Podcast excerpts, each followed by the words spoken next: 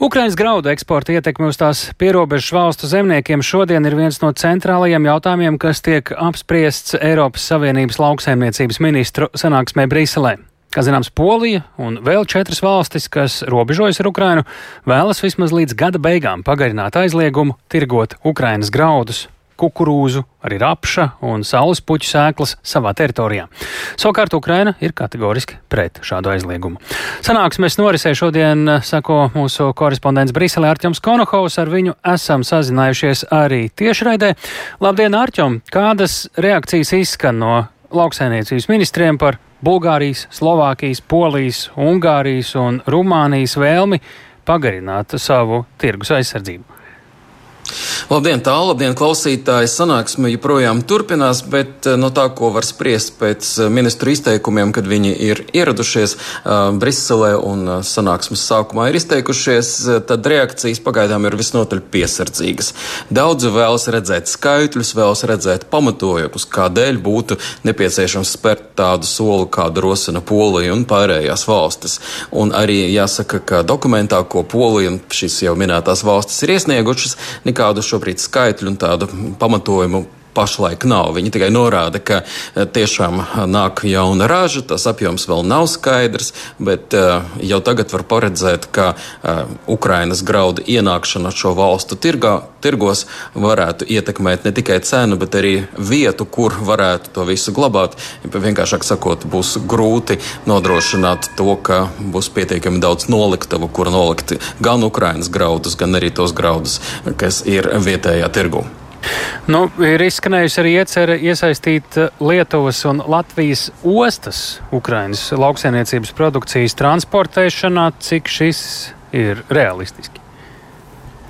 Jā, par to tik tiešām tiek pietiekami aktīvi runāts, un arī Lietuvas lauksaimniecības ministrs Kestutis Navicks ir izteicies, ka šeit galvenais šķērslis ir, viņa prāt, ne tikai atšķirīgais dzelzceļa sliežu platums, kas atšķirās starp Poliju un Lietuvu, un arī pēc tam Latvijai tāds pats kā Lietuvā, tad arī birokrātija un tieši polijas varas iestāžu lēmums pārcelt kontroli no robežas uz, ar, starp Poliju un Ukrainu uz ostām varētu pātrināt graudu piegādi un transportēšanu. Un tas arī ir viens no risinājumiem, ko piedāvā ne tikai, Pol, ne tikai Lietuva, bet arī piedāvā uh, Ukrainas ministrs. Paklausīsimies, ko ir sacījis Lietuvas lauksaimniecības ministrs Nevicks. Mēs uzskatām, ka būtu nepieciešams pārvietot muitas un fitosanitārās pārbaudes no robežas uz Eiropas Savienības ostām. Mūsu gadījumā tā būtu Klaipēda, bet tālāk uz ziemeļiem Latvijā tā būtu Liepājas osta. Turklāt mēs uzskatām, ka būtu nepieciešams izveidot subsīdijas Eiropas pārvadātājiem, it sevišķi dzelzceļa kompānijām, lai atbalstītu Ukrainas graudu transportēšanu uz citām Eiropas ostām. Ukraine greens to other European ports. Jautājums par subsīdijām ir būtisks, jo, protams, jo tālāk nogādā graudus no Ukrainas, jo dārgāk tas izmaksā un cevišķi, ja būtu nepieciešama kāda pārkraukšana dzelzceļa sliežu platuma atšķirības dēļ, protams, tas viss izmaksā vairāk. Un te runa ne tikai par Baltijas valstīm, bet arī pieņemsim par Nīderlandes un Vācijas ostām, kur arī varētu pātrināt šo graudu nogādāšanu. Bet, nu, pagaidām par to vēl nekādas skaidrības nav, vai šādas subsīdijas varētu vai nevarētu tikt izvēlētas izveidotas. Tomēr arī Somijas lauksaimniecības ministrs, ministre Sāri Esaja ir izteikusies, ka tomēr citu ostu iesaiste varētu būt viens no iespējamiem risinājumiem. Paklausīsimies! Tas varētu būt risinājums, jo šobrīd šķiet, ka daudzas robežu valstis sastopas ar lieliem izaicinājumiem. Viņiem trūkst noliktavu, kā arī kravas automašīnu un vilcienu, ar kuriem var pārvietot šos graudus. Bet solidaritātes joslas ir nepieciešamas. Tādēļ, ja citas valstis var iesaistīties, tad tas palīdzētu situācijai. Un kā jau. Jā. Jā, tā lūdzu. Jā, pavisam īsi vēl beigās. Mēs nedrīkstam aizmirst arī, ka paralēli Ukraiņas kaimiņu iebildumiem arī Krievija nesen pārtrauca Ukraiņas graudu transportēšanu pa Melno jūru. Īsumā, kā tas sarunas Briselē ietekmē? Tas, protams, sarunas ietekmē, jo, protams, jo, līdz šim 60% jau ir gājuši caur solidaritātes eh, joslām un 40% pa Melno jūru. Nu, protams, tagad šis eh, skaitlis palielināsies un ir jādomā par papildus kapacitāti, kuru nav nemaz tik vienkārši atrast. Lielas paldies Artimam Konokovam tiešraidē no Briseles, kur lauksaimniecības ministrs spriež par Ukrainas graudu eksportu. Tikmēr par uh, Ukrainas graudu eksporta uh, noteikumu atvieglošanu bāžas ir Latvijas zemniekiem, jo, lai arī mūsu valstī nav tiešas robežas ar Ukrainu, dzirdējām, ka ir iespējamība, ka graudus no Ukrainas varētu eksportēt arī caur Baltijas ostām - Latvijas, Lietuvas. Kāda šobrīd ir iespējamie graudu ceļu scenāriji attiecībā uz Latviju un par ko? Un vai ir pamats bažām, esam sazinājušies ar biedrības zemnieku saima valdes locekli Mārtiņu Tronu. Labdien! Labdien! Kāda īsumā situācija ļoti diagonāli un dažos vārdos ir bijusi pēdējā gada un mēneša laikā Latvijā ar Ukraiņas graudu tranzītu, importu? Skaidrs, ka mēs arī Latvijas lauksaimnieki esam kopā ar Ukraiņas lauksaimniekiem, ar Ukraiņas tautu, un mēs viņu, viņus arī iespēju robežās atbalstam šī um, karā ar, ar, ar Krieviju. Tomēr jāsaprot, ka šis Ukraiņas graudu eksports un eksporta atvieglojumi, nodokļu noņemšanas attiecīgi negatīvi ietekmē, protams, produkcijas cenu arī Eiropas Savienības tirgu un arī negatīvi ietekmē Eiropas, tā skaitā arī Latvijas lauksaimnieku konkurētspēju. Mēs, protams, esam izteikuši arī piedāvājumu un redzam, ka mēs esam maksimāli gatavi nākt pretī Ukraiņas lauksaimniekiem un piedāvāt arī viņiem palīdzību Ukraiņas graudu izvešanā uz trešajām valstīm. Jā.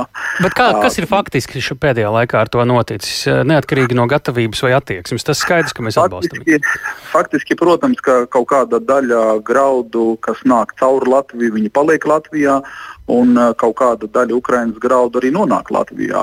Šos graudus arī uh, izmanto attiecīgi, varbūt arī lopkopības saimniecības, kas iegādājas. Jo līdz šim mēs esam iegādājušies gan kukurūzu, uh, gan, gan, gan soju, gan rapšā un, un saulespuķu spraukumus, kas ir normāli, un to mēs darām arī līdz šim. Bet droši vien vairāk ir diskusija par kviešu, miežu vai, vai, vai, vai rapša ieviešanu. Ja, kas, un kas ar to ir noticis? Ir būtiski, būtiski pamainījis kaut ko. Ar Latvijas lauksaimniekiem mums ir Eh, svarīgi, lai sezonas laikā, kad mēs tik, tikko spējam tikt galā ar savu graudu izvešanu, lai nenāk vēl liela apjoma no Ukrainas, ja, kas, vienkārši var, kas vienkārši var paralizēt šo ostu darbību. Pagaidām šāda signāla nav, bet nu, mēs redzam arī eh, tos, tos paziņojumus, kas nāk arī šodien no Briseles, no Polijas puses, ja, par to, kā būtu jārīkojas un pa kurām ostām būtu šie Ukraiņas graudi jāizved. Protams, mums arī pašiem pašlaik nav pietiekami daudz elevatoru, lai mēs savus graudus varētu glabāt, un tādēļ, diemžēl, mums sezonas laikā šie graudi graudu ir jāizved ārā, attiecīgi ir jāeksportē. Tad tīri tehniski brīdī, Ukraiņas graudiem uh, caur Latvijas ostām īsti nav pat varbūt vietas, kur viņus izvest. Sezonas laikā nav. Pēc sezonas, teiksim tā, ka tā ir ziema, pavasaris, vasaras sākums, kad ostas ir brīvas. Mums, protams, ir jādomā, kā mēs varam arī noslogot ostas, jā, kurām varbūt ārpus aktīvās graudu sezonas īpaši nav arī citu kravu. Tad kas šobrīd ir tās lielākās bažas uh, jums šobrīd? Dzirdot ziņas no Briseles, tā skaitā no Ukrainas, no Melnās jūras. Tā lielākā bažas ir tas, vai arī Latvijas un Baltijas valstu lauksaimniekiem būs pieejams kāds atbalsts, ņemot vērā to, ka šī lauksaimniecības produkcija gan graudi, gan piemēram olas, gan piena produkti ienāk arī Latvijas tirgū. Mēs esam dzirdējuši par to, ka Eiropas Savienība ir sniegusi arī zinām atbalstu Polijas lauksaimniekiem un citu valstu lauksaimniekiem. Jautājums, vai tiks atbalstīti arī Baltijas valstu lauksaimnieki. Neskatoties to, ka mums nav tieša robeža, mēs zinām, zinām ietekmi, jūtam. Zināms, daudzums arī šīs produkcijas ienāk Latvijā, konkurē ar vietējo produktu, kas ir ražots pēc Eiropas Savienības standartiem, varbūt atšķirībā no tā produkta, kas ir ražots Ukrajinā. Teiksim, tā ir cita ražošanas standarti. Jā.